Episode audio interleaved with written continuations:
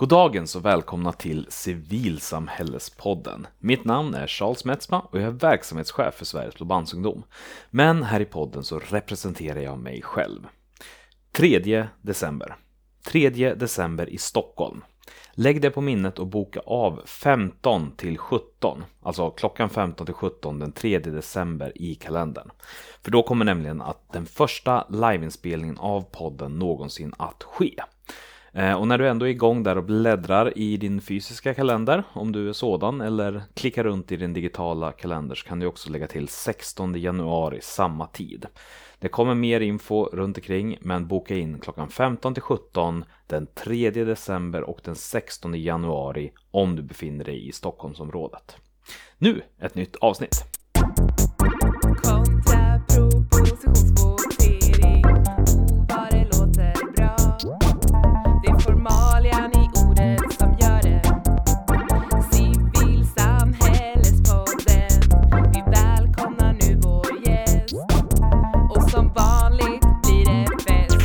Idag sitter jag tillsammans med Sam Anler som är grundare och projektledare för Närcon. Goddagens. Goddagens, goddagens. Eh, och det första vi ska göra det är ju då att ställa frågan hur blev du en engagerad människa? Oj, det är svårt. Det är faktiskt en, kan nog en lite sorglig historia skulle jag säga. Jaså? Att, eh, alltså jag har varit med i scouten och sådär och liknande sedan jag var liten. Men den stora anledningen till att jag blev väldigt engagerad var nog, jag var ganska hårt mobbad i högstadiet.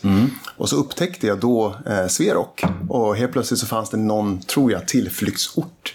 Så jag startade en förening där i sjuan. Och då kunde man engagera sig och hålla på med den istället för vanliga skollivet. Just det. Så det var lite så det började egentligen. Då tryckte in all min energi där. Och var det, vad var det som gjorde att just det funkade som en tillflykt eller hade det kunnat vara vad som helst egentligen? Ja, så det som var grejen, alltså scouten eller andra saker man provade, då var det alltid lätt av vuxna. Och då var det så här, man hade ledare liknande och så skulle man vara med på deras sätt. Men här helt plötsligt så fanns det en, hej, välkommen till Sverok, här får du 500 spänn, gör vad du vill. Så det, vilket var både positivt och negativt, men då, då kunde jag bara köra liksom. Göra massa misstag, prova massa saker. Och... Just det. Och eh, hur tog det sig vidare då sen? Jag menar, eh, det lär ha varit mm, någonting mellan liksom den där första föreningen på högstadiet då till, till Närcon som finns nu. Ja, verkligen. Alltså det som var grejen, det som gjorde att jag startade Närcon var att jag faktiskt 2001 sen var på Lincoln och blev så himla kär. Helt plötsligt så var det massa fina människor, jag hade det hur bra som helst. Väl på plats så skrev jag upp mig som funktionär. Jag sov ingenting, jag var inte så bra funktionär kanske, men jag, jag blev kär och ville då starta någonting liknande själv. Just det. Och då så därifrån det så startade du då Närcon då. Ja. Och det var du på egen hand som gjorde det eller var ni ett gäng eller hur? Det var jag på egen hand. Sen så tjatade jag mig till att massa skulle vara med mig helt enkelt sådär. Vilket var eh, faktumet i många år liksom sådär att just eh, innan man kom till någon brytpunkt när det var så pass coolt och populärt och helt plötsligt så söker sig fler som vill vara med än vad som finns plats för. Ja. Och eh, för den som inte är insatt i liksom konvärlden, vad är det för någonting då? Ja, alltså kon är ju, står för konvent och är ju lite- någon form av mötesplats. Om man kollar på Lincoln och just i Sverok-världen så finns det klassiska spelkonvent. Där det egentligen handlar om att träffas för att spela brädspel, kortspel, rollspel en helg tillsammans. Det finns eh, också, som 2000-talet så började det starta anime-konvent. Som istället var mer åt kolla på anime, läsa manga, hålla på med cosplay och de bitarna. Skillnaden mot de här konventen och mässor är att mässor är ofta så att du går in till en massa företag som ställer ut, du är där några timmar och sen åker hem igen.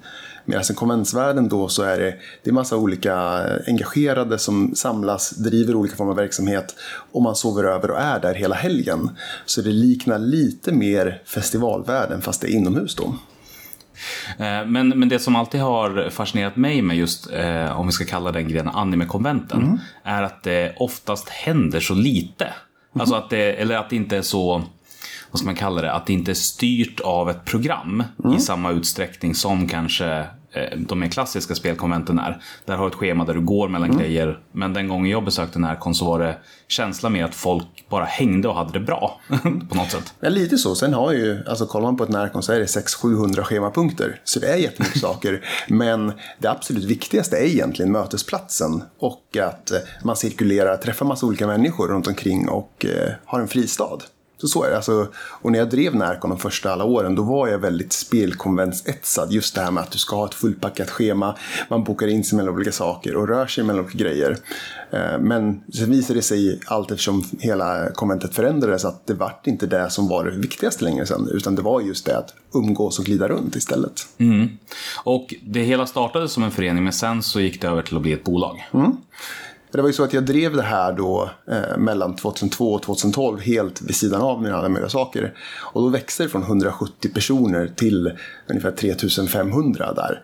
Och det blev för stort. Det blev för mycket att driva vid sidan av. Så det ställdes ju den stora frågan liksom i föreningen. Okej, men hur ska vi göra nu? Ska jag släppa det här för att fokusera på mina studier, kanske ta examen någon gång? Eller eh, ska vi istället göra så att jag blir heltidsanställd och vi bolagiserar det? Och det var en liten dramatisk epok där, men sen som ledde till att vi blev bolag. Och jag började satsa hela mitt liv i det här. Och en dramatisk epok på vilket sätt? Alltså det är ju alltid så, även alltså 2012 när, då, när den här frågan kom upp på plats på Närcon är det ju massa butiker som säljer saker, det är olika företag som alltså, hyr ut kameraradioapparater, säljer mat. Så det finns ju alla möjliga som tjänar pengar på att man driver ett evenemang. Men just att huvudarrangören skulle gå från att vara en ideell förening till då ett kapitalistiskt bolag. Det är väldigt känsloladdat och det fanns mycket rädslor kring det här och det var det som då blev. Vi brukade säga genom alla åren, årsmötet var det knappt några som kom på. Fast vi var flera tusen medlemmar kunde det kanske komma 10 pers. Och det här årsmötet, den här frågan togs upp så var vi istället 60-70 pers som kom. Så det, det var en stor grej. Mm. Och eh, även om det inte är det vi ska prata om idag så blir jag lite nyfiken. Men hur har det gått sen efter den här eh, dramatiska epoken som du beskrev det? Nej men det har gått jättebra. Alltså då, vi har ju växt till eh, 12 500 nu. På plats på Närcon så är det 700 ideellt engagerade funktionärer och eh, helt enkelt det är jättemånga som går med. Superroligt är det. Spännande. Och det vi ska prata om idag är ju framförallt liksom hur gör man ett lyckat event? Eh, så om vi liksom börjar i någon slags generell ände av vad är egentligen, eh, vad är det som gör ett bra arrangemang? Mm. För min del så har jag ju alltså, gjort det här i så många år så jag har gjort jättemycket misstag fram och tillbaka och lärt mig prova vissa saker, ändra om det fram och tillbaka. Och fortfarande är det så att hela evenemanget och arrangörskapet utvecklas och förändras. Vi har inte stannat där. Men i grund och botten så handlar det ju om alltså, vad har du för vision? Vad är det för typ av evenemang du vill uppnå? Vad är dina mål? Och eh, vad behöver du för ramar för det här? Vad behöver du för resurser? Vad, du behöver ha lite koll liksom, på hur det funkar med budget och saker. Och hur mycket arbetskraft behövs? Kan du göra det här helt själv? Är det en hemmafest eller är det större? Du behöver engagera andra. Och i så fall, din första följare när du ska ha med någon som gör det, varför ska de vara med? Då måste du ta hand om dem också, se till att de blir, får tydliga instruktioner, blir peppade och glada. Så det är, egentligen är det inte så svårt att arrangera- ett evenemang, men du måste bryta ner det till så små delar som möjligt. Skulle du, alltså det är samma sak om du skulle bygga en raket och åka till månen. Varje liten, liten, liten del är oftast inte jättestor och jättesvår. Men det är så fruktansvärt många bitar och du måste lyckas organisera ihop det här och få koll på det och sen hålla någon form av tidsram hur du gör det här. Tidigare körde du en podcast som hette Organize Events 101 eh, på engelska som var eh, korta små snuttar av, eh, av arrangörskunskap. Eh, fem minuter styck var avsnitt om jag minns rätt. Ja, precis. Jag, jag, min tanke var att det skulle vara någonting som man bara snabbt kunde lyssna på och ta till sig. Och så skulle jag göra många sådana. Och det var baserat egentligen på det som jag lär ut i organisationen inom Närcon mycket. Fast lite mer då utdraget. Mm. Och eh, där så vill jag minnas som att ett av av, för jag lyssnade på dem själv då när de kom och eh, uppskattade dem. Eh, men där var ett av avsnitten som handlade just om det här med att bryta ner och framförallt kopplat till hur man bygger upp en organisation runt det hela. Eh, vill du fördjupa dig i tankarna kring hur man bygger upp en organisation av människor som, som liksom kan genomföra det här rymdraketen? Alltså det beror ju väldigt på just eh, omfattning. Men vi tar just Närcon Sommar som nu är ett väldigt, väldigt stort evenemang. Men egentligen är det inte så här. Alltså det är basically samma saker. Då är det jag som är huvudansvarig för det och har, ska få fram någon vision, mål och sätta upp ramar. Jag rekryterar en kommitté.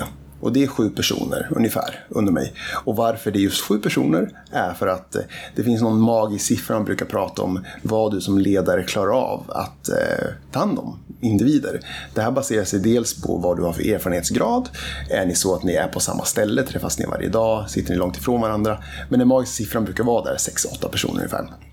Det är väl mycket så här eh, militär eh, grupppsykologi bakom den siffran också. Ja, och sen lite massa företag och business. Den är gammal i alla fall sådär. Ehm, men jag har upplevt att den ändå varit okej.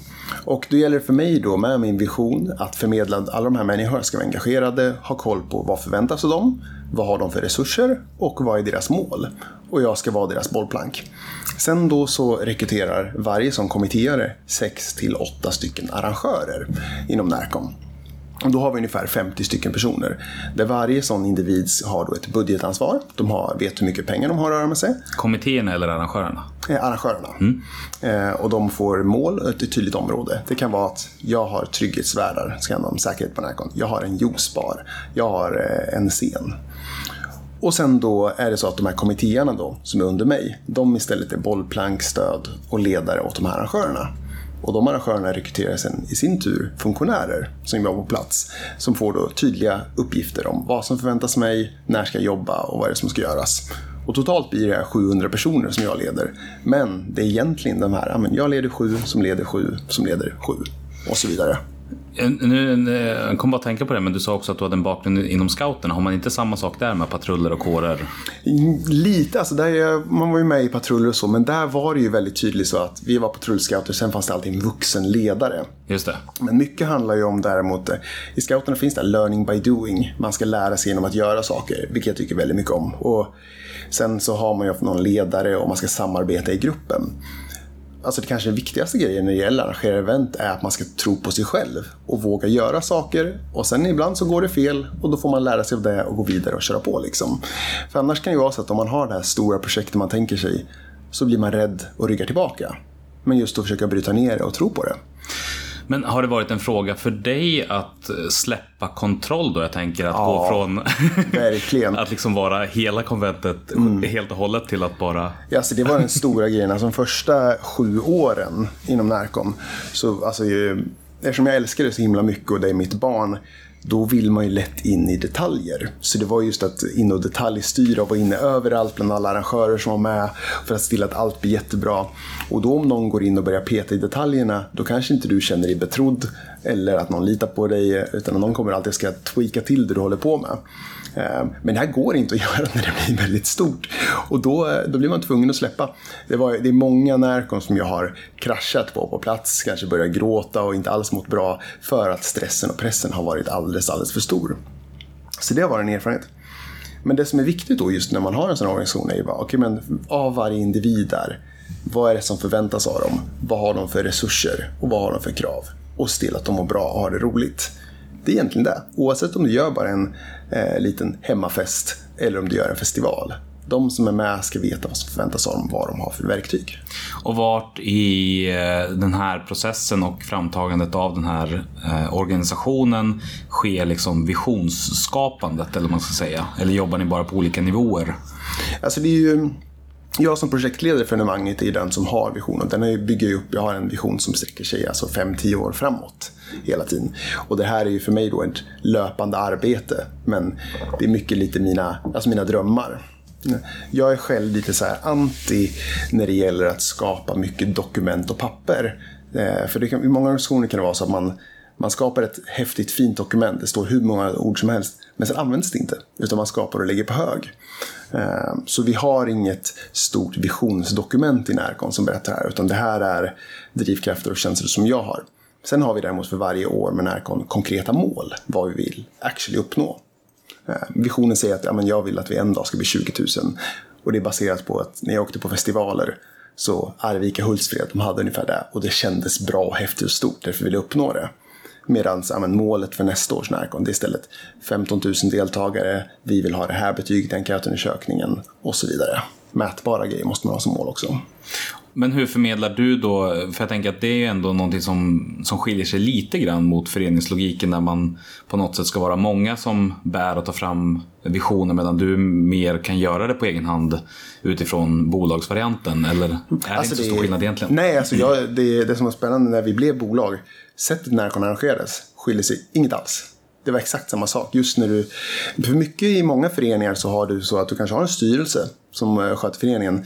Men när man bygger upp, upp ett evenemang så utmanar man en projektledare och så bygger man upp den här hierarkiska organisationen som kanske liknar mer ett bolag. För att det är som, som oftast är lättare att funka. För något jag märkte när vi drev det som alltså förening eh, innan det fick den organisationen vi har nu var att man satt en styrelse och när man sitter i en styrelse i ett rum och man ska besluta kring frågor för varje minut som går på det mötet, låt säga att man är sju personer, så går det ju sju minuter. Vilket är väldigt ineffektivt att just sitta och besluta sådana saker i grupp. Men eh, så det som vi har i, i Närcon är inte att alla ska ju fortfarande vara med och delaktiga. Men att eh, istället så att man, man sitter i en grupp och beslutar om små detaljer så har alla fått sitt eget område som de bestämmer över helt själva.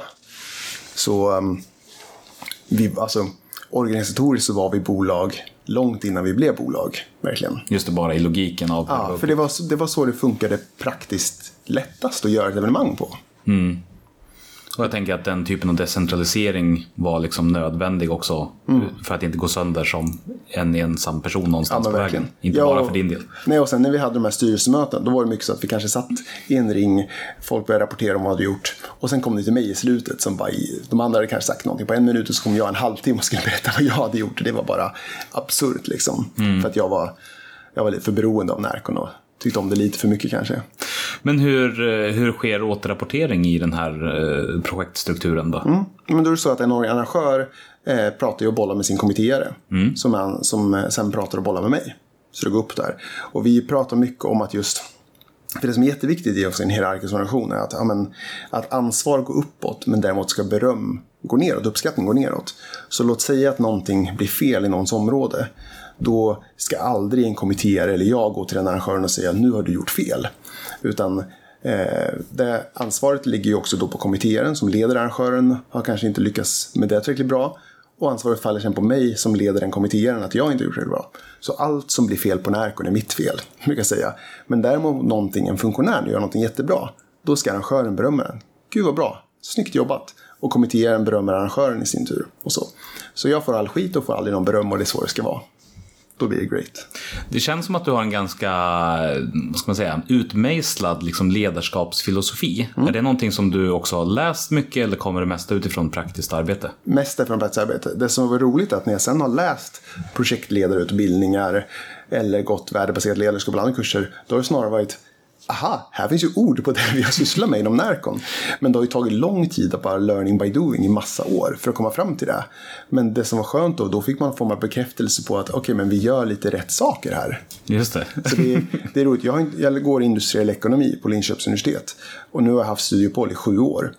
Men de kallar in mig varje år som däremot gästföreläsare i projektledningsutbildningen fast jag inte har tagit examen. Det tycker jag är kul. Ja, men, eh, men det finns väl någonting ändå i att driva ett större projekt som, Mm. som ger en någon form av kompetens. Ja, jag har en plan om att den dagen jag väl tar examen, vilket jag vill göra någon dag, då har vi snackat, jag och några examinatorer, om att jag ska göra ett Närcon Sommar som en master. Och sen just kandidatarbetet ska jag nog vidareutveckla vårt biljett och funktionärssystem och lite sådär liksom. Så det, Ja, men det, det lå- låter som att det ändå faller sig ganska naturligt. För det är sällan man får möjligheten att testa teoretiska liksom, tankar så pass konkret. Eh, en annan sak som du gjorde ett avsnitt om som jag tyckte väldigt mycket om var att stjäla sig till framgång. ja, gud ja. Man ska stjäla. Det är bra grejer. Och hur menar du då? Ja, men du går in på ICA Maxi och sen ser du vad du tycker om. Nej, eh, men faktum är just att när jag startade upp Närcon då så var det ju som så att jag var på Lincoln och blev kär i hela. Och så såg man massa saker man älskar. Och bara, men oj, funktionärerna jobbar så här. Ja, men vi ska också ha funktionärer som jobbar i pass. Vi ska ha brädspelsgrejer. Vi ska ha en kafeteria som säljer Dumle och så vidare och så vidare. Och sen var det saker man själv hade idéer om att ja, men Lincoln hade ingen filmsal som visade anime. Det ska vi ha.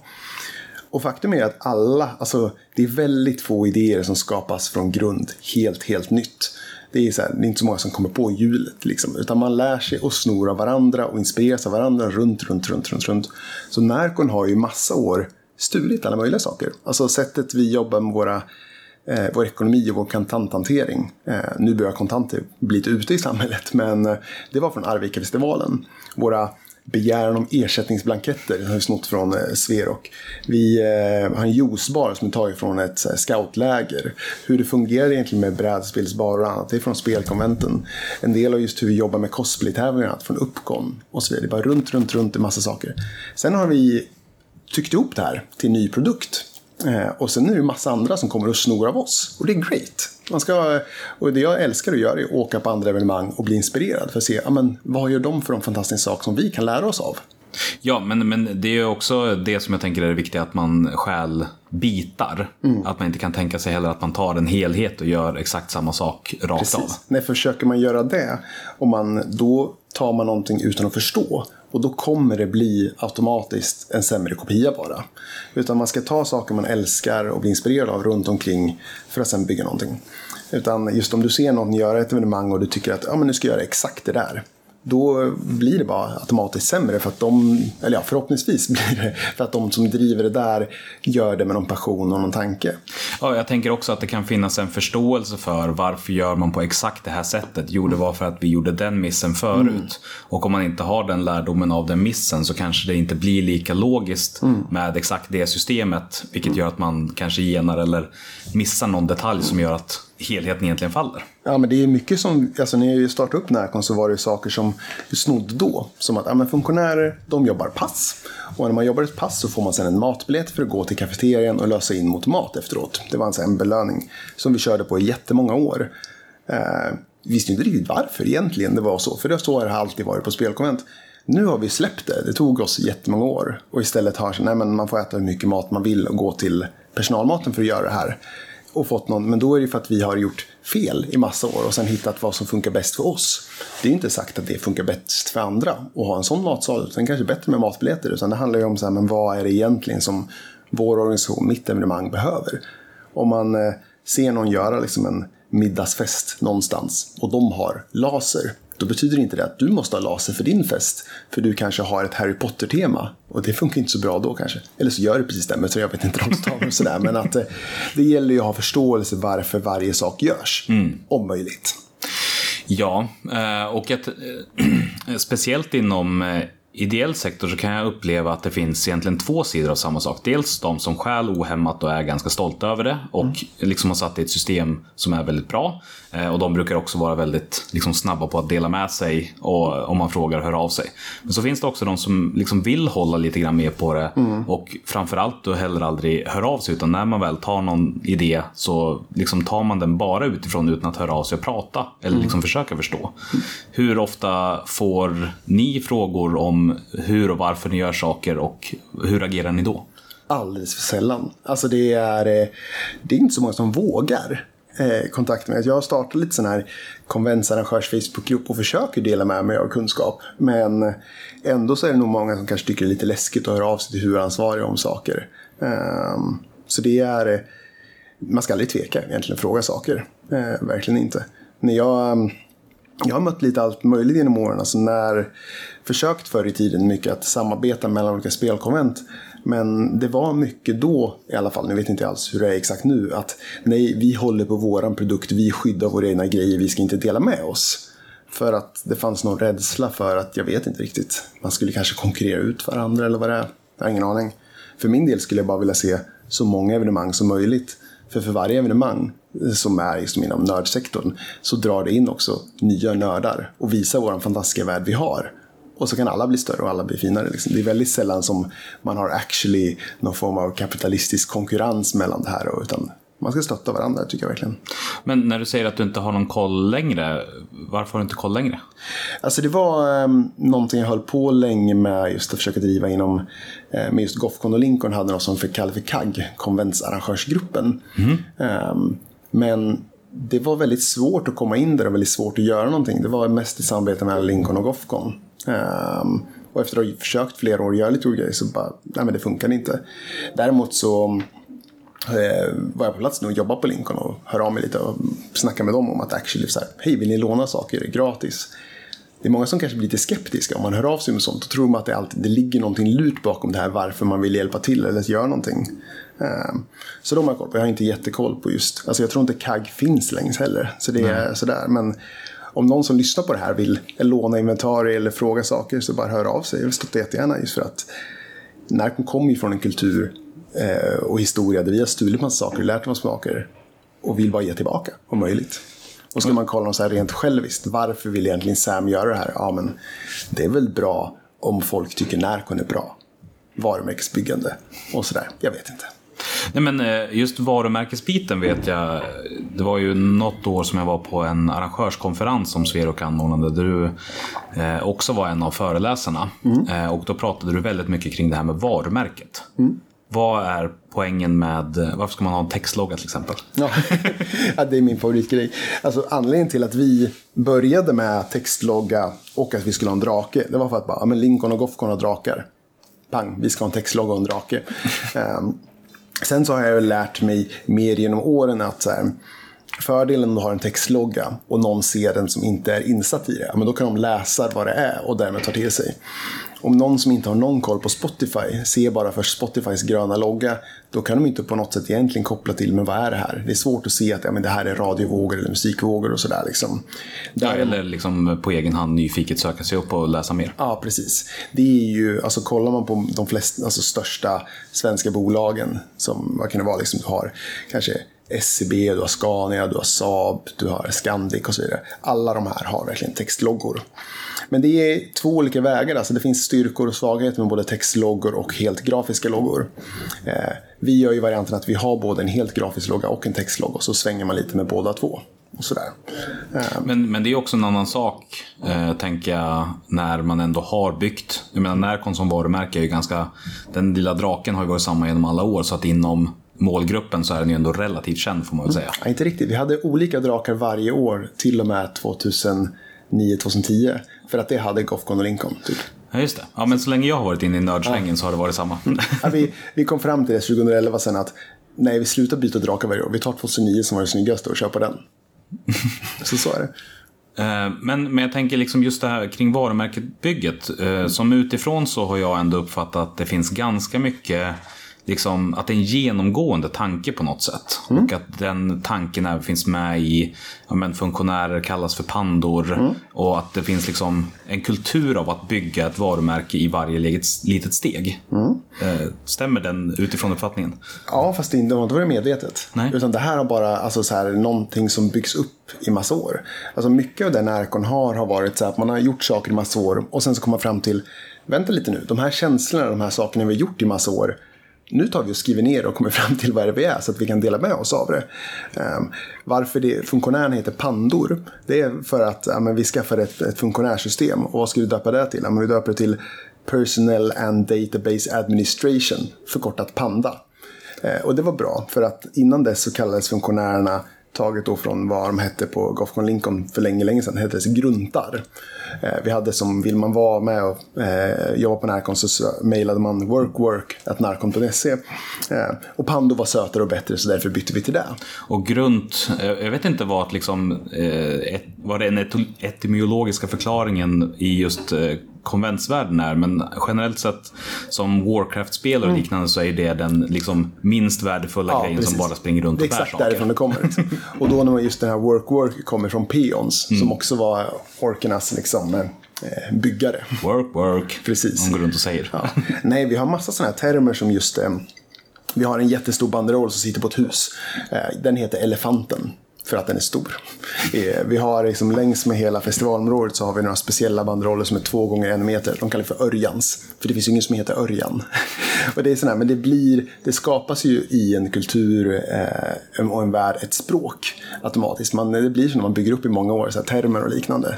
Som hör till. Men även om det då inte har skapats medvetet att liksom, nu ska vi döpa den här saken. Så har det ändå funnits någon slags medveten tanke om att plocka upp den typen av initiativ och liksom implementera dem i vardagen.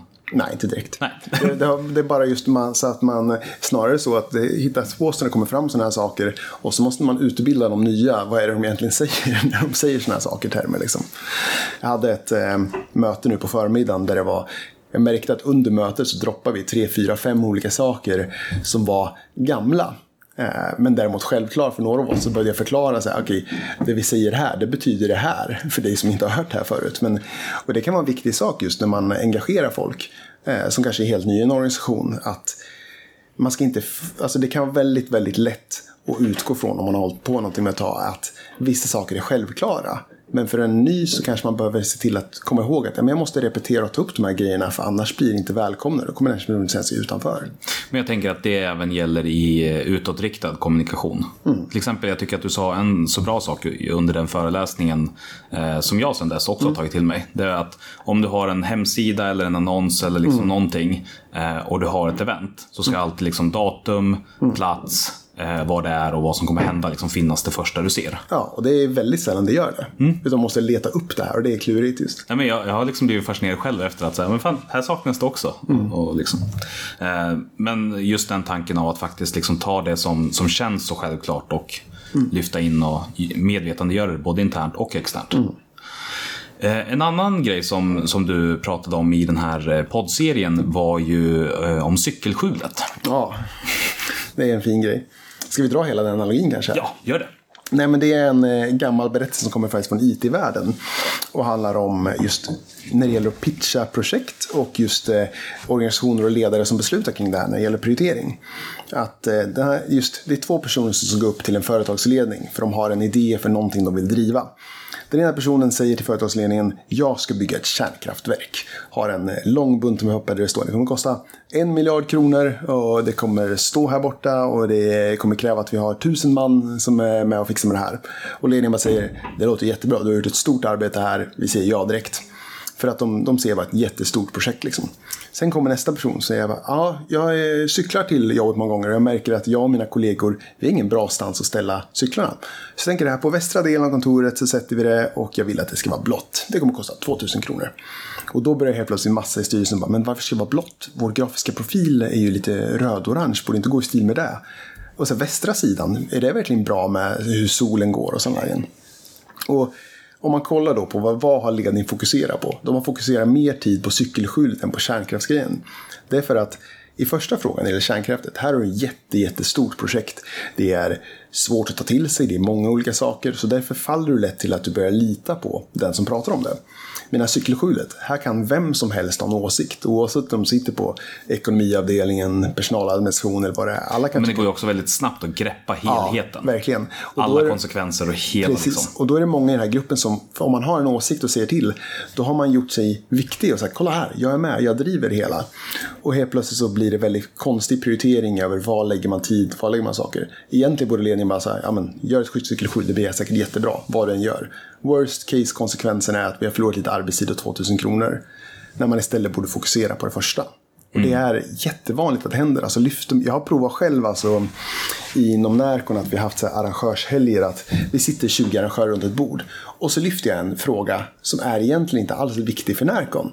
Ehm, och så blir det världens diskussion och alla vill tycka till om saker. Ja, men som att, ja, men vilken färg borde vi ha på våran årets mugg, årets kåsa? Alla kan ha en åsikt. Medan om man skulle säga istället, ja, men hur tycker ni vi ska jobba med ekonomisk styrning kring de här frågorna? Då blir det tyst liksom. Och eh, som projektledare är det jätteviktigt att ha med sig vad lyfter vi i grupper och inte.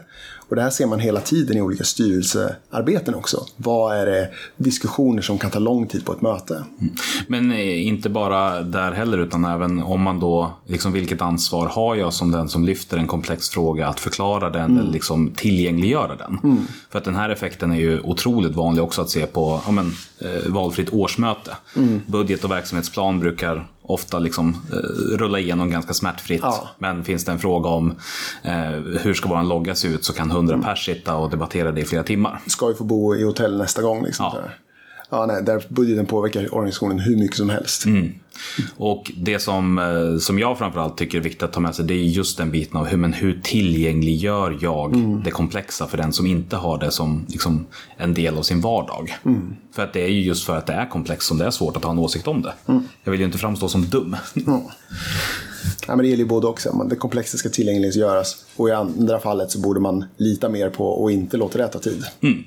Så att man inte hamnar i en situation där man har en miljard små frågor istället. För då hinner man inte med överhuvudtaget. Och det är ju så verkligheten ser ut. Eh, jag kommer ihåg min, min pappa berättade en gång när jag var liten. Han kom hem från ett... eh, eh, Han drev plantskola. Och eh, så hade de ett nationellt liksom, branschnätverk för detta.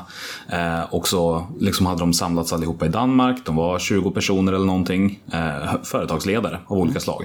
Eh, och på den här två dagarna som de hade så hade de spenderat tre timmar med att komma fram till huruvida det skulle vara svart eller blått bäck i nej, profilpennorna som de skulle ta fram.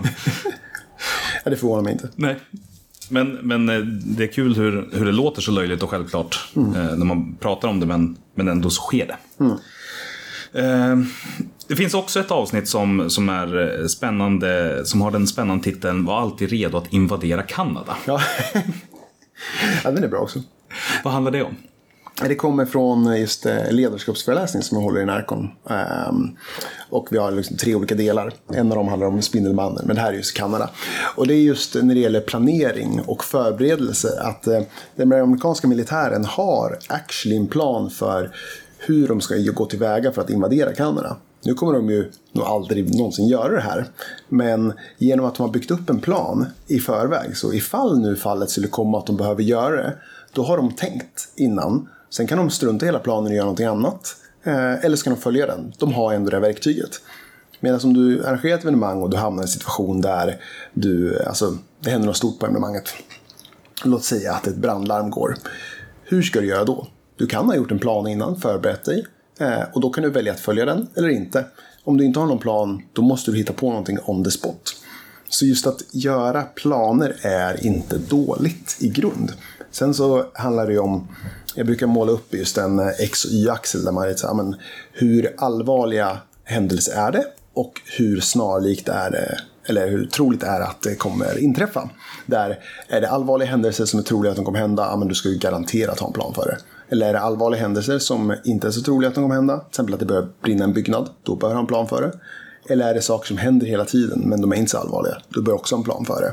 Sen ska du inte göra planer för sånt som inte är viktigt. Då kan du alltid däremot istället lösa det on the spot. Och just grundtanken i hela den här liten, men planering är inte dåligt, men känn dig aldrig heller att du måste slaviskt följa planering. Utan du kan få idéer on the spot också. Men, men hur, hur eh, gör ni liksom sådana faktiska grafer då där ni plottar ut de här grejerna? Jag tänker eh, i det du sa tidigare att ni inte skriver så mycket, få dokument. Nej, Alltså det är ju, eh, hela Närcon är uppbyggt med vad vi kallar för frihet under ansvar. Där varje person i organisationen ansvarar för sin del, sitt område, sin femtiondel av Närcon. Och eh, ska ju då ansvara för si- olika situationer som händer där. När det gäller däremot övergripande större saker som är för hela Närcon, till exempel då tar jag fram krisplaner som man sen föreläser om och pratar om. De finns actually i text. Men själva dokumentet i sig gör ingenting. Utan, utan det är just att hur ska man se till att folk är insatta i det här. Då har vi så att alla eh, personalkort som folk har på plats med plastkort med deras namn och foto och sådär. På baksidan av dem finns det en liten kort lista. Vad ska du göra vid kriser? Och sådana saker. Pappret i sig, värdelöst. Men att du har tänkt till och sen förmedlat det här på något sätt är bra. Eh, en annan sån punkt som finns med där som jag också tycker är, som jag tyckte om väldigt mycket var just det här med var inte en hjälte. Mm. Ja, det är ju, eh, alltså just när det gäller eh, eh, jag sa ju det förut att jag kraschat väldigt, väldigt många olika närkon.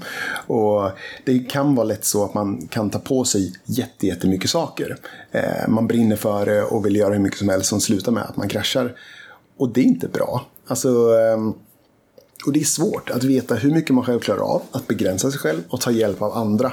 För att liksom få allting att rulla på i en lagom nivå. Någonting som pratar om mycket med alla på Närcon varje år just eh, när det gäller är att våga säga, prata ärligt med varandra. När det går dåligt, våga be om hjälp av varandra. Och det är, det är klurigt för man kan, det kan vara så här skam och skuldkänslor och så vidare. Många gånger kan det vara så att vi har en, någon som har ett visst område och eh, det går inte så bra enligt planen. Men man vågar inte prata med sin kommitterare eller med mig och berätta det här. För att man kanske just skäms. Och så går det tid och man börjar prata om det. Ja, men det går bra, det går bra, det går bra. Och sen börjar man närma sig så kritiskt nära evenemanget och säga nej, det har gått helvete, jag behöver hjälp. Hade man istället kunnat be om hjälp några månader innan så hade det varit så väldigt lugnt. Och nu blir det istället en knepig situation. Men det är just mänsklig psykologi det handlar om mycket. Och mm, ett annat fall just när det gäller den här hjältebiten som vi kan se är att om man har någon i organisationen som har alltså gjort mycket förberedelsearbete och det har gått bra. Så sen väl på plats på evenemanget så kan de sitta i en soffa och ta det lugnt. Du har någon som inte gjort förberedelsearbete och de springer runt som tokar och sover ingenting på evenemanget. Då kan det lätt vara så att man ser den senare personen, den som springer runt hur mycket som helst, den stressar. Den är en hjälte, den är duktig, den ska man ta hand om. Och såklart man ska ta hand om den och stötta upp den. Medan den personen som istället har gjort förberedelsearbetet är lat, kan man se det som. Resultatet kan vara så att den som verkade lat går det mycket bättre för. Och har jobbat mer. Och har jobbat mer. Men det verkar inte så för att det finns en, just en heroism och att man eh, tycker om hjältar. Men det kan vara farligt just att när det gäller att skapa en kultur och organisation. Hur ser man till att vi är ärliga med varandra, vi stöttar upp varandra, vi tar hand om varandra, vi sliter inte ut oss. Och vi ger beröm också till de som faktiskt har lagt ner förberedelsearbete. För det kan vara svårt. Och hur gör ni det här då? Det är, alltså, föreläsare pratar mycket om det här. Alltså, det kan lätt bli så att um, jag har eh, personer som har varit med i organisationen länge. En trygghetsansvarig som har just hand om våra trygghetsvärdar som är fantastisk. Varit med sedan 2008. Och då kan det vara som så att jag litar så himla mycket på att hen kommer göra sin grej. Vilket gör att jag inte vill dubbelkolla någonting. Utan däremot har man någon som man är orolig för. Då vill man kanske ha många möten och dubbelkolla mycket. Och då blir det så att man kanske har lagt tio timmar på den personen, en timme på den man känner sig trygg med. Vilket gör att den personen känner sig kanske inte prioriterad och uppskattad. När det handlar om att man har en sån tillit till den. Och det här är klurigt, att se till att man också eh, tar hand om och creddar dem som faktiskt också det är lugnt med. Som man kan lita på och känna sig trygg med. Det låter eh, lätt att säga men svårt att göra. Ja. En grej som jag gör som ses lite lustig på ibland är att eh, för jag gick runt varje Närcon. och så, så fort jag såg en arrangör, man log, man pratade, man kollade hur läget, hur går det liksom. Men sen kunde jag efter festivalen få höra att Men Sam, varför kom du inte och pratade med mig? Varför kollade du inte läget med mig? Jag kände mig ignorerad och struntad i. Och när man har 50 arrangörer så är det svårt att hitta, prata och lägga de här fem minuterna med varje person. Eh, Det kan... Ja, bara fysiskt hitta för när Ja, precis. vi tar ju ändå en ganska stor yta. Ja, så jag började ha en to-do-list. Hitta och prata med alla personer. Eh, vilket gjorde att det blev mycket bättre så då fick jag tag i att prata med alla. Sen kunde vissa tycka det kändes konstigt för ibland då efter jag hade pratat med någon och kollat läge och kände allting så tog jag upp ett papper och kryssade för de personerna. Och helt plötsligt kände de sig som en to-do och inte som att det var att jag eh, sökte upp dem med kärlek och glädje. Vilket det är egentligen, men det är som ett verktyg för mig. Så nu får jag hålla den lappen kanske lite hemligare. Samtidigt som jag berättar när jag föreläser varje gång om det här, om den lappen. Så, så jag vet inte, jag är inte så duktig på sådana saker. Men eh, det är svårt. Nej, men Ta hand om människor. Balansen på något sätt mellan att göra någonting systematiskt men få det att verka spontant. Ja men verkligen. Nej, och jag vill ju prata med allihopa. Jag vill ju kolla läget och sådär. Så det finns ju en god intention och kärlek i grund. Men sen den kanske en kall lapp. Ja. Och eh, en, en sak som också är ganska viktig i arrangörskapet som, eh, om jag inte helt missminner mig, så var det det andra avsnittet. eh, Som också jag tycker har blivit väldigt tydligt i, i det här samtalet. Och det är just att göra det som, som liksom engagerar dig. Att liksom, eh, på engelska hette det scratch your own itch. Ja, precis ja. Ja, men det är just, eh, alltså. Grejen är, om du snor ett helt annat evenemang som jag lite pratat om och gör det. Då skapar, tar du en produkt som du inte har i grund drivit och så ska du försöka göra den. Du kanske inte har koll på, exakt som du sa själv, varför görs vissa saker, varför görs så här. Men om man istället gör ett evenemang eller en produkt där som man själv vill ha. Då helt plötsligt behöver man inte tillsätta massa forskningsteam om vad som är A och vad som är B. Utan det handlar ju om vad man själv tror på. Nu kanske det är så att man inte brinner för att göra ett stort evenemang eller brinner för att göra någonting annat än bara lite hemmafest. Och det är okej. Okay. Genom att göra det man själv vill och brinner för så kommer det vara mycket lättare än om man försöker göra någon annans grej. Så um, men jag tänker också att det, det finns en annan uthållighet i att misslyckas. Ja, ja men verkligen. Alltså om man tror på det man håller på med, liksom, det är superviktigt. Alltså det, jag har träffat mycket så här, när jag väl skulle börja jobba heltid så var det personer som kallade sig själva för entreprenörer. De skulle driva olika företag och de skulle bli så framgångsrika, de skulle bli miljardärer, pratar de om sådär. Gick du någon sån här starta eget-kurs? Nej, det gjorde jag inte. Eh, Men att jag hade, när jag träffade de här så hade jag redan drivit någonting och startat någonting länge. Ehm, Men de pratade stort och högt om hur rika de skulle bli och allting var. Men det var ju, deras drivkraft och mål var ju bli rika. Och därför skulle de hitta produkten som skulle göra att de skulle bli framgångsrika. Medan om jag skulle vilja bli rik, då skulle jag inte hålla på med Närcon. Då skulle jag istället nu bara ta min examen och gå vidare där och tjäna multiplet mer. Ehm, men då har ju de inte koll på sina produkter. Drivkraften var att bli rik. Den var inte lösa det här problemet. Vilket gör att de får mycket sämre koll på det de håller på med och allting blir mycket svårare. Så då blir de inte rika istället. Ja. Um men, men nu har vi pratat väldigt mycket utifrån den här utgångspunkten av liksom en stor festival. Eh, f- finns någon del särskilt som du tänker gå att applicera på att men, arrangera en eh, intern i organisationen ledarskapshelg för 20 pers eller ett årsmöte eller vilka är de viktigaste grejerna när man inte har en stor organisation utan ofta är den ensamma utföraren? Nej, men jag gjorde faktiskt bara för en vecka sedan så hade jag en liten eh, eh, Eh, födelsedagsfestfirande hemma med lite Japan-tema där vi skulle, vi skulle ha dansplattor, vi skulle spela drawful, vi skulle eh, käka lite eh, sushi och vi skulle spela lite sorts musik och sådär. Och så var vi tre, fyra personer hemma som skulle bara hjälpa till i lägenheten med de olika sakerna. Så det jag gjorde då var ju att, för jag är lite arrangörsskada, var så här. Hej, du är där. Nu blir du ansvarig för att skapa mysytor, hängytor i lägenheten. Du gör precis vad du vill med det här. Hej, nu är du ansvarig för att se till att vi pyntar och dekorerar det här. Och här är de här verktyg du har för det här. Och då var det också, men det var tydliga uppgifter. Det var tydliga vad det fanns för saker att göra. Och sen delegera ut det här utan att de skulle känna sig detaljstyrda och så vidare. Och det var ju bara en vi höll på och fick förbereda det där i en två timmar. Det var bra. Inför en sån superliten grej. Men just det. Det var andra personer som var med mig och hjälpte mig tydliggöra vad är det som förväntas av dem. Vad är det som ska göras. Vad har de för verktyg och resurser. Och eh, hur... Just det. Och så hade jag en vision om vad jag ville att det skulle vara. Så att egentligen att det skulle vara en väldigt chill dag. Folk skulle droppa in och ut och det skulle finnas aktiviteter att göra. Lite små tävlingar och kul grejer liksom. Och hade du då gjort någon form av eh, genomgång i huvudet av ungefär vilken person som är bra på vad och sådana saker? Eller blev det slumpmässigt? Där delade jag lite. Det, alltså, det gjorde jag nog men det var omedvetet. Ja. Och där var jag liksom så här, okej du kommer sova över här. Du sover i soffan, nu är du i soffan. Eller sån här liksom. Nej, så, eh, men det är mycket som jag gör nu som är, det går så mycket på rutin och byggt upp genom åren. Men ja, drömmen är ju verkligen så här, men, nu ska vi göra den här grejen. Du som är bra på de här sakerna, du blir ansvarig för det här. Och det kom, eller du som älskar att göra det här och vill lä- lära dig mer om det här området, du gör det här liksom. För det är ju, alltså ska man göra ett årsmöte eller spelkväll eller vad det än är. Det är nog viktigare att personer som engagerar brinner för ett område. Än att de har vad du anser kanske är kompetensen inom det, men tycker det är tråkigt. För du vill ju ha drivkraften och energin och engagemanget i det. Men jag tycker att det finaste i, i, i hela den eh, eh, anekdoten är ju just det konstanta delegerandet.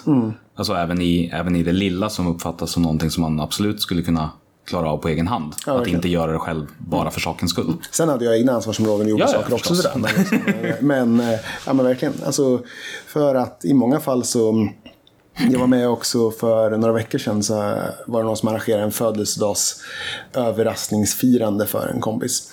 Och då var det så att jag och en annan kom dit till, de hade bokat en liten stuga och så skulle den här personen komma dit några timmar senare utan att veta vad som hände. Och det skulle komma typ 30-40 pers. Och då dök det in en person där som jag inte kände, hade aldrig någonsin träffat. Så jag bara, hej hej! Du där, nu är du ansvarig för det här. Superkul va? Nu ska vi verkligen överraska Max. Och du där, du, du assisterar här. Och folk blir glada då av att jag hade aldrig träffat dem här, aldrig pratat med dem, visste inte vad de hette. Men att ge dem ett ansvar, känna tillit. Och att bara, för alla var ju där för att överraska en person. Så det fanns ju redan en drivkraft i att vara där. Och, någon, och det kunde vara en sån sak, du blir numera eh, konfettiansvarig. Här är konfettin, gör vad du tror blir bra. Och du hjälper den här personen. Men just det här bara basic, enkla, bryta ner det. Det gick helt bra. Ja, och jag tänker att det där, eh, det som händer i mitt huvud när du säger det här, det är ju framförallt den biten av hur, hur generellt sett en ansvarsfördelning kan se ut när organisationer har anställd personal och ideella. Att det lätt blir att anställd personal gör liksom stora delar och förväntas ta ett väldigt stort ansvar. Och att det sen har glidit över till någon slags göra allt-grej. Att man liksom lite grann tappar bort den där naturliga delegationen som du ger uttryck för här. Eh, att bryta ner det i de mindre delarna och kunna ge bort ett område på det sättet. Är det någonting annat kring, eh, kring arrangörskap som, som inte har berört som du vill lägga till? När vi pratar om vision och drivkraft, göra saker du tycker om, ta hjälp av varandra, engagera dem, ta hand om de personerna. Vi har inte pratat så mycket just till exempel kring eh, budgetering och just eh, planering så mässigt. Ehm, och det här kan ju vara ett, alltså ett herregud, nu, jag brukar säga, jag har fått eh, eh, påpekande att så här, just, eh, jag pratar ju ganska mycket på olika ställen. Och så får jag höra, så här, Sam, det här säger du alltid av olika människor. Och ett av exemplen är att när jag brukar prata om så här, hur det är att arrangera närkon som man kanske inte i första hand tänker på. Så brukar jag dra exemplet, ja man sitter mycket i Excel. Eh, men det är för att det är sant, jag sitter väldigt mycket just allt från just planeringar till budget sådär. Och mm, här är egentligen samma sak. När man ska göra ett evenemang eller någonting. Att bryta ner det här projektet till så pass små delar så man får koll på okay, men vad är egentligen det här kommer ekonomiskt innebära. Hur mycket resurser behöver jag? Vad är det som behövs för att arrangera det här? Och det är ju viktigt gällande oavsett om du ska ha en, en middag eller om du ska ha en festival. Att eh, få någon form av koll på vad är behovet för att göra det här. Vad är viktigt och vad är inte viktigt. Och när du bygger upp en organisation som är väldigt, väldigt stor då kan inte jag heller sitta med detaljkollen på hur mycket konfetti behöver vi. Då handlar det snarare om istället till mina sju kommittéer så ger jag, men här, du är ansvarig för det här området, du får 100 000 kronor. För det är vad jag tänker mig att det här området behöver för hela Närcom. Sen den kommittén delar upp dem mellan sina sju arrangörer. Ja, men du är ansvarig för just juicebaren. Jag tror du behöver så här mycket. Och så. Ehm, Men egentligen handlar det om bara små byggdelar. Och hur mycket finns det liksom något, eh, vad ska man kalla det, eh, övergripande dokument där varje enskild arrangörs liksom detaljerade budget bygger samman till Ja, det gör Fan vad underbart. Det är, nej, så det är eh, massa så Google Drive Excel-kopplingar där eh, hela kommittén har så här, men här, så här mycket budget har de. Och sen så har de sin slide som berättar om det. Och sen så eh, synkas det här in med vad varje arrangör har planerat just nu. Och sen så är det de som delegerar ut de här olika sakerna i pengar. Och sen så kommunicerar de med mig om hur mycket hela deras kommittéområde kommer att kosta. Och så ser de så här löpande. Så det. Hur mycket lycka kände du inom dig första gången när ni hade hela den här strukturen på plats?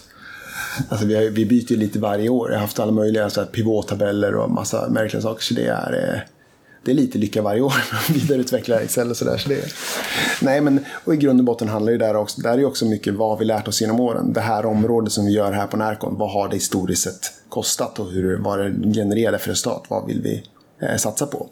Och det var för att det började med en, ett mindre evenemang där jag hade skrivit upp hur många läskburkar planerade vi exakt att köpa. Och så. Um, men som första steg handlar det just om men hur mycket resurser behöver jag? Vad är det som krävs för att göra det jag verkligen vill göra? Och det är här det är samma viktigt med just Scratch and Reach. Om du brinner för någonting och du vill göra någonting, då vet du också vad som är viktigt och inte viktigt. Och då kan du göra prioriteringarna. För som projektledare är det jättestort och jätteviktigt att kunna prioritera i projektet. Vad ska vi satsa på? Vad ska vi lägga tid på? Vad ska vi lägga pengar på?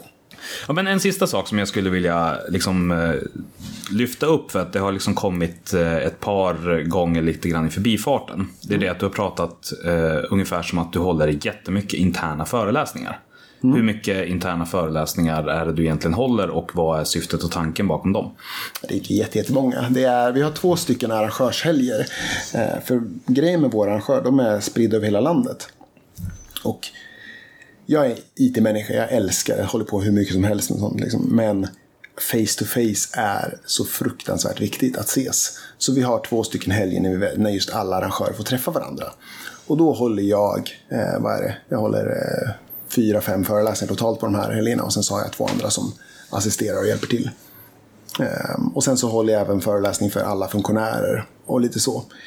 Och det jag pratar om då är mycket lite av det vi pratar om. Men det är egentligen att ge arrangörerna verktyg kring ledarskap, kring hur vi jobbar inom Närcom. Vad är våra verktyg? Hur, vad är, hur är det vi lägger upp saker? För du kan göra evenemang på många olika sätt. Du kan bedriva olika former av projektledning och ledarskap. Hur ska de tänka kring budget? Eh, Få dem att tro på sig själva. Vi jobbar med något som vi kallar för good enough is fine. Att hellre att du hoppar på en idé du har och att det blir 80% så bra. Eh, att än att du lägger jättemycket planeringstid på att göra en idé istället för 20 idéer. Och liksom. Så det är mycket eh, skapa trygghet, att de tror på sig själva och eh, dela med sig av verktygen. Och, mm, och lite så liksom. Mm. Eh, och hur mycket förändrar sig de här arrangörshelgerna från gång till gång? Är det liksom en kontinuerlig utveckling eller börjar ni hitta, liksom, är det 80% som är samma sak? Eller är det... Ja, alltså det är... Det har, I många år så var det så att Närcon, när vi växte mycket, alltså vi växte med ungefär 1000 personer per år. Men det blir väldigt skillnad på om du är 2000 till 3000 än om du är 10 till 11 000. Så um, att ehm, nu har vi egentligen helger som jag har, upp, som jag har fixat till 80% per år i flera år. Liksom. Um, eller ändrat 20% blir det. Uh, så de är ganska satta och det är mycket av det vi pratar om just nu. Det är lärdomar från alla år. Som är helt enkelt. Och den här eh, arrangören då som har varit med sedan 2008, hur trött är... Jätte, jättetrött. Jag får höra mycket om trötta på eh, min röst. Och sen så har de börjat hålla såna här egna små bingo-grejer på föreläsningar. De så här, nu säger Sam det här, bingo! Så kan störa de andra som sitter och lyssnar för första gången. Men samtidigt kan det vara ett sätt för dem att kanske lyssna lite mer och bli lite mer engagerade. För om det är något jag märker så när det gäller de här sakerna vi pratar om. Att man har varit med ett tag betyder inte att man kan verktygen och ledarskapet på bästa sätt. Utan snarare att man, när jag har gjort sina kahoots och tester med mina arrangörer och kommittéer så är det de som är helt nya som har suttit och lyssnat ordentligt. De får bra poäng. Medan de som har varit med länge, de glömmer bort saker och får sämre poäng. Och Kahoot för den som inte känner till det är så här frågesportsverktyg kan man Ja, säga. precis. Eh, Men nu med bingo så lyssnar de bättre i alla fall. Så det är bra det. Ehm,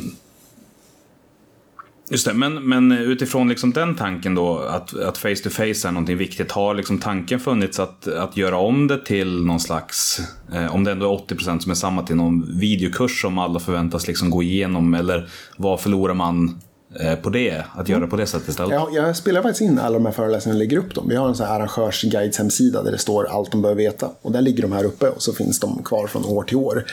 Men det är väldigt skillnad på att lyssna på en videoföreläsning och att vara actually där in person.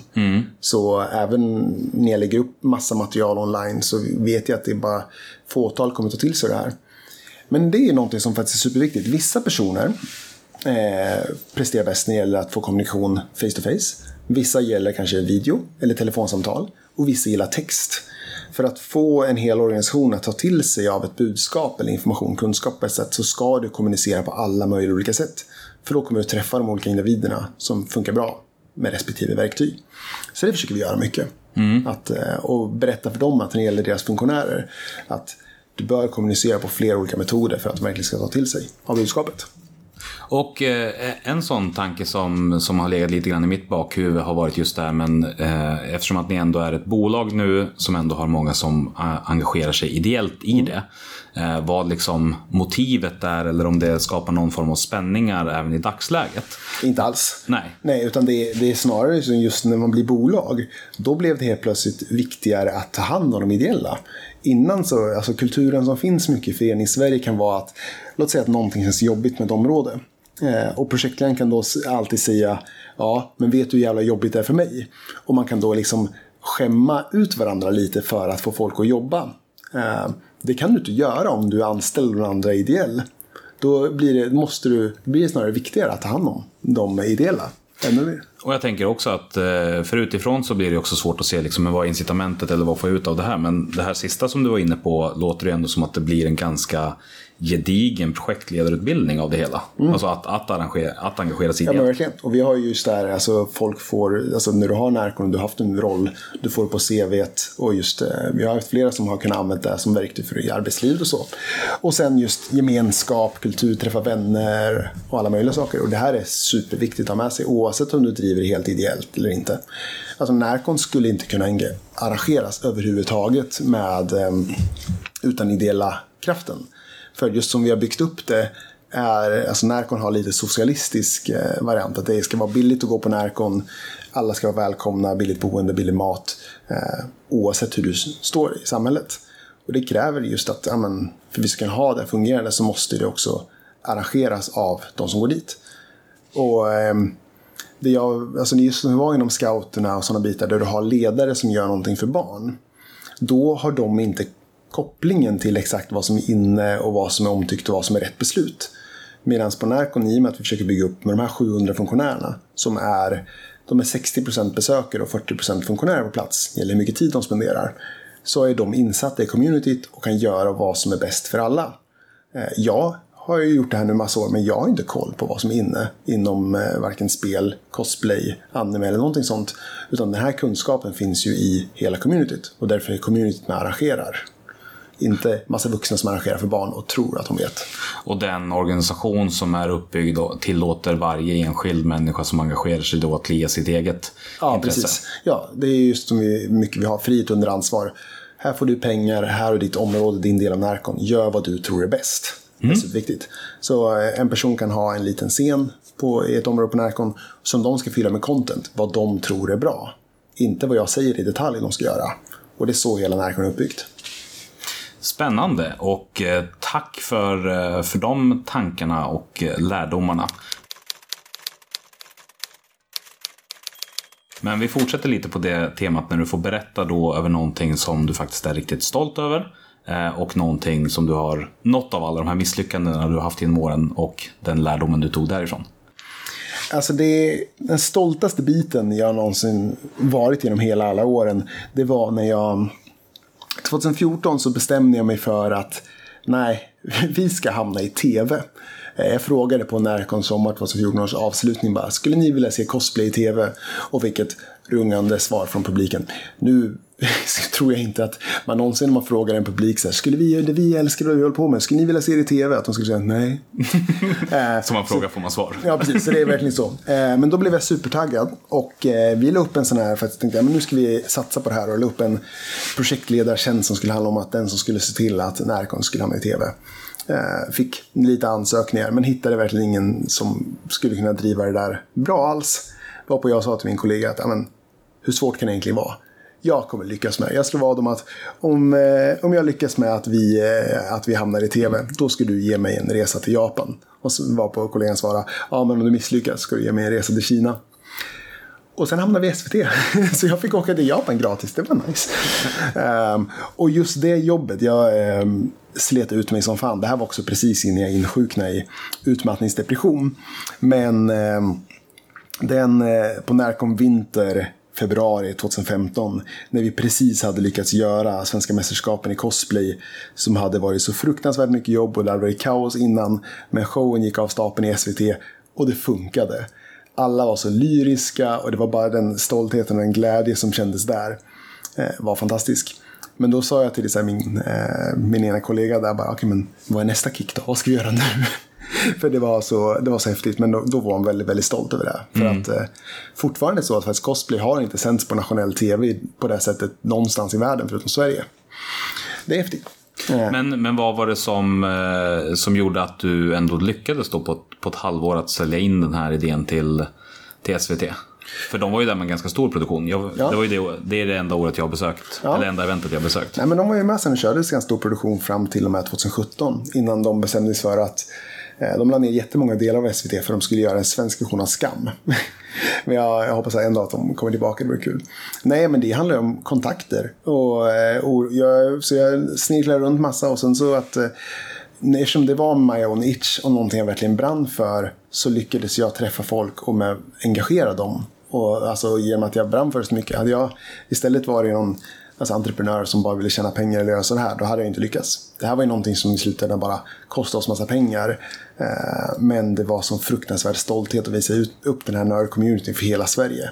Och det var häftigt, för cosplay blev svenskans nyord 2015 också, efter det här. Men hur många, hur många människor behövde du möta för att det här skulle bli av? Alltså hur många råkade du springa in i? Och- Nej, det var, det var, det var så genom kontakter jag hade som hade kontakter som hade kontakter. Ja. Så det var redan det nätverk jag gick igenom. Men eh, herregud vad nervös jag var. Det var en lång process att få programnämnden på SVT att besluta saker. Det går inte snabbt. så det, Så låter det ändå, alltså att få in det på ett halvår tycker jag, i min värld låter det fort. ja, det, det kanske var lyckas. Men det, det här var ju också, det var ingen, eh, det var ju inte, alltså vi gick på tvåan och SVT Play och inte den mest kanske attraktiva tiden och sådär liksom.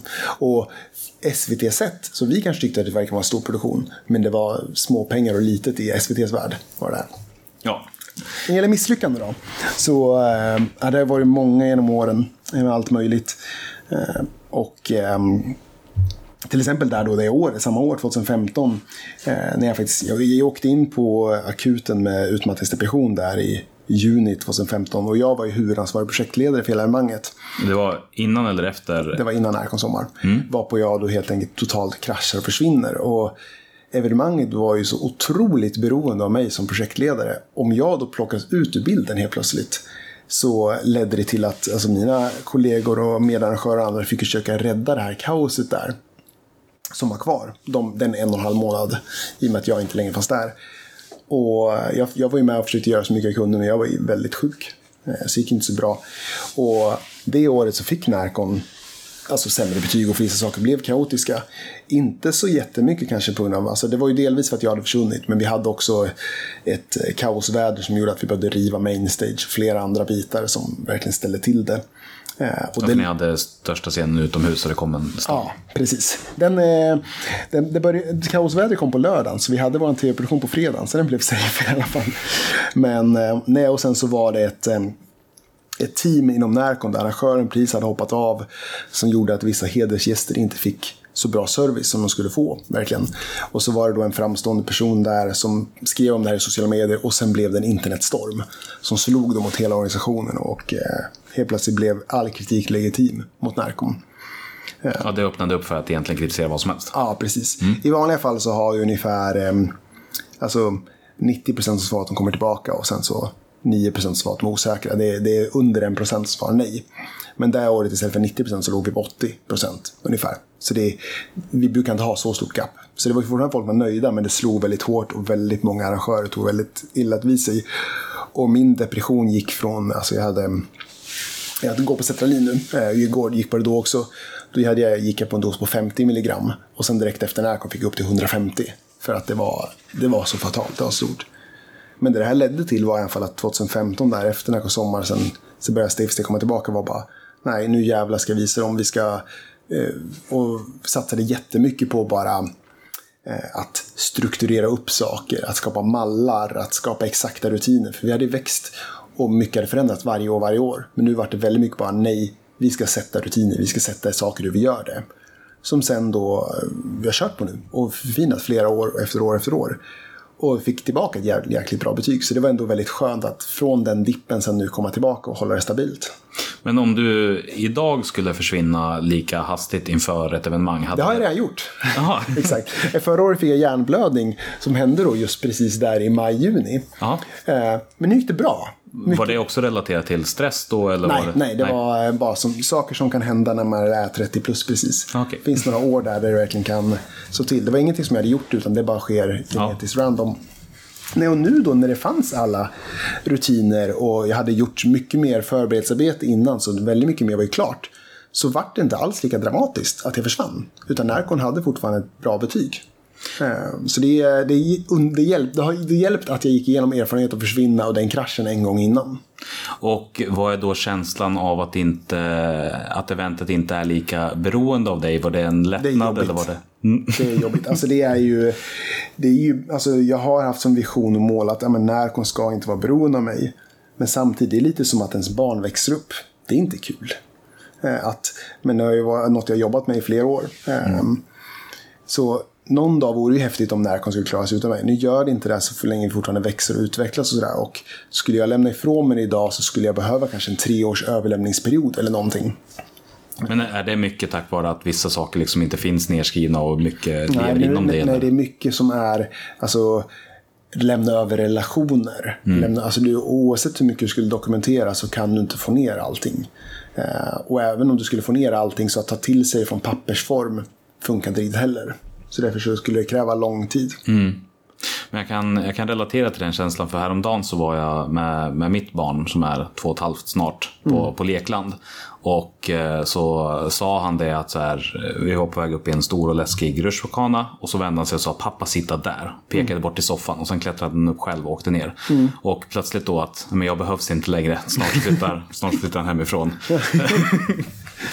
ja, tack så jättemycket för eh, det här du har delat med dig. Ja, tack själv. Eh, idag så kommer jag bara technobabbla som avslutning. Så eh, om du inte är intresserad av mikrofoner och ljudteknik så kan du lika gärna avsluta nu. Det vill säga efter att du har bokat in den 3 december och 16 januari klockan 15 till 17 i Stockholm. Men nu tänkte jag prata lite grann om utrustning. Oftast finns det någon slags högtflygande tanke om civilsamhället eller någonting som jag upplevt eller sett. Men den senaste tiden så har jag i princip bara pysslat med teknik. Det är nämligen så att inför live-tillfällena så har jag genomfört en enorm uppgradering av, eh, vad ska man kalla det, maskinparken.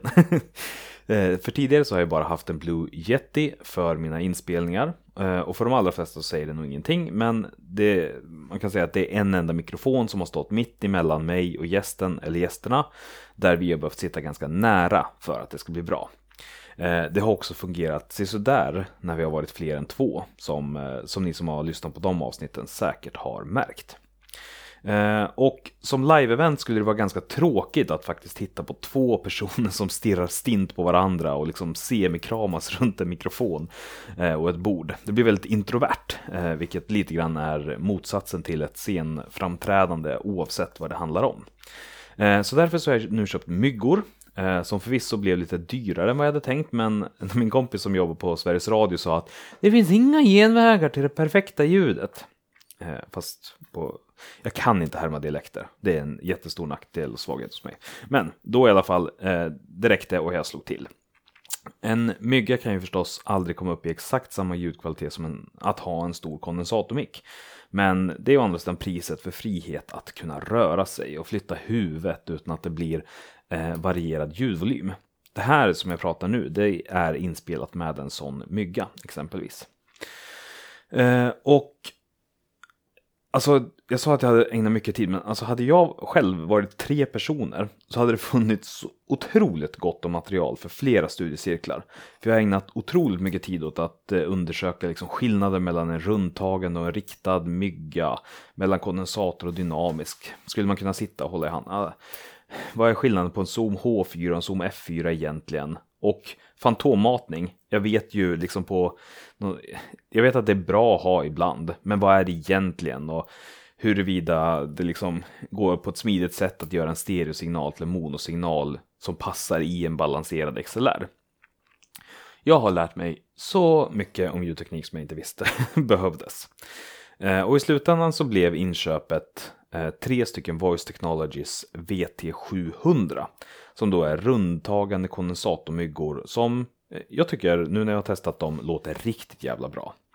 Eh, det är ju trots allt den typen av myggor som, eh, som de använder på Sveriges Radio när de har live-event. Så att jag kan se varför.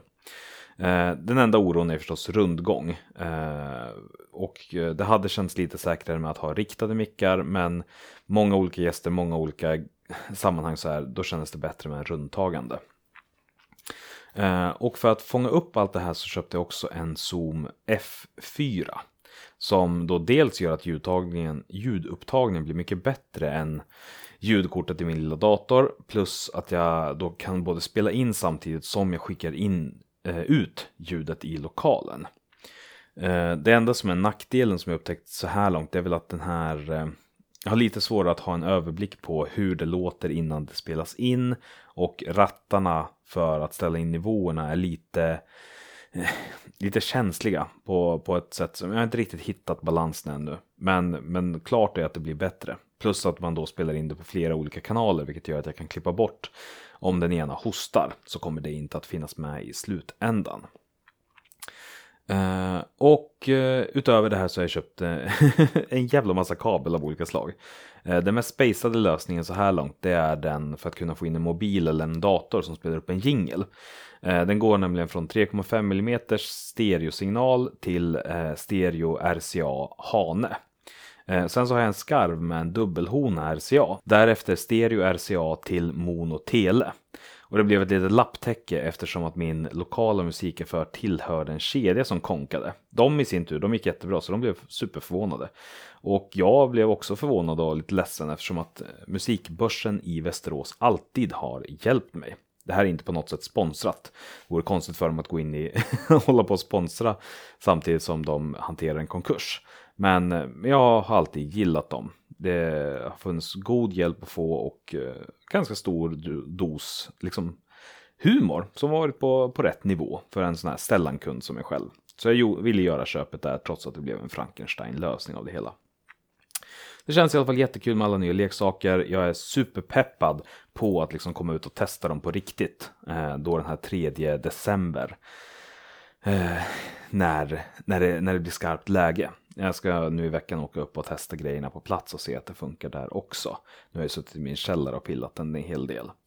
Eh, det enda som jag egentligen har som, eh, som oroskälla det är väl att eh, nu kommer det inte längre finnas någon ursäkt. Det kommer aldrig vara omständigheterna som gör att det låter dåligt utan det kommer bara vara jag som inte kan hantera den utrustningen som jag har. Så att om det i framtiden låter dåligt så är det på grund av att jag varit dålig och inkompetent. Så det känns ju sådär, men samtidigt så kommer det förhoppningsvis att leverera en mer jämn kvalitet på avsnitten.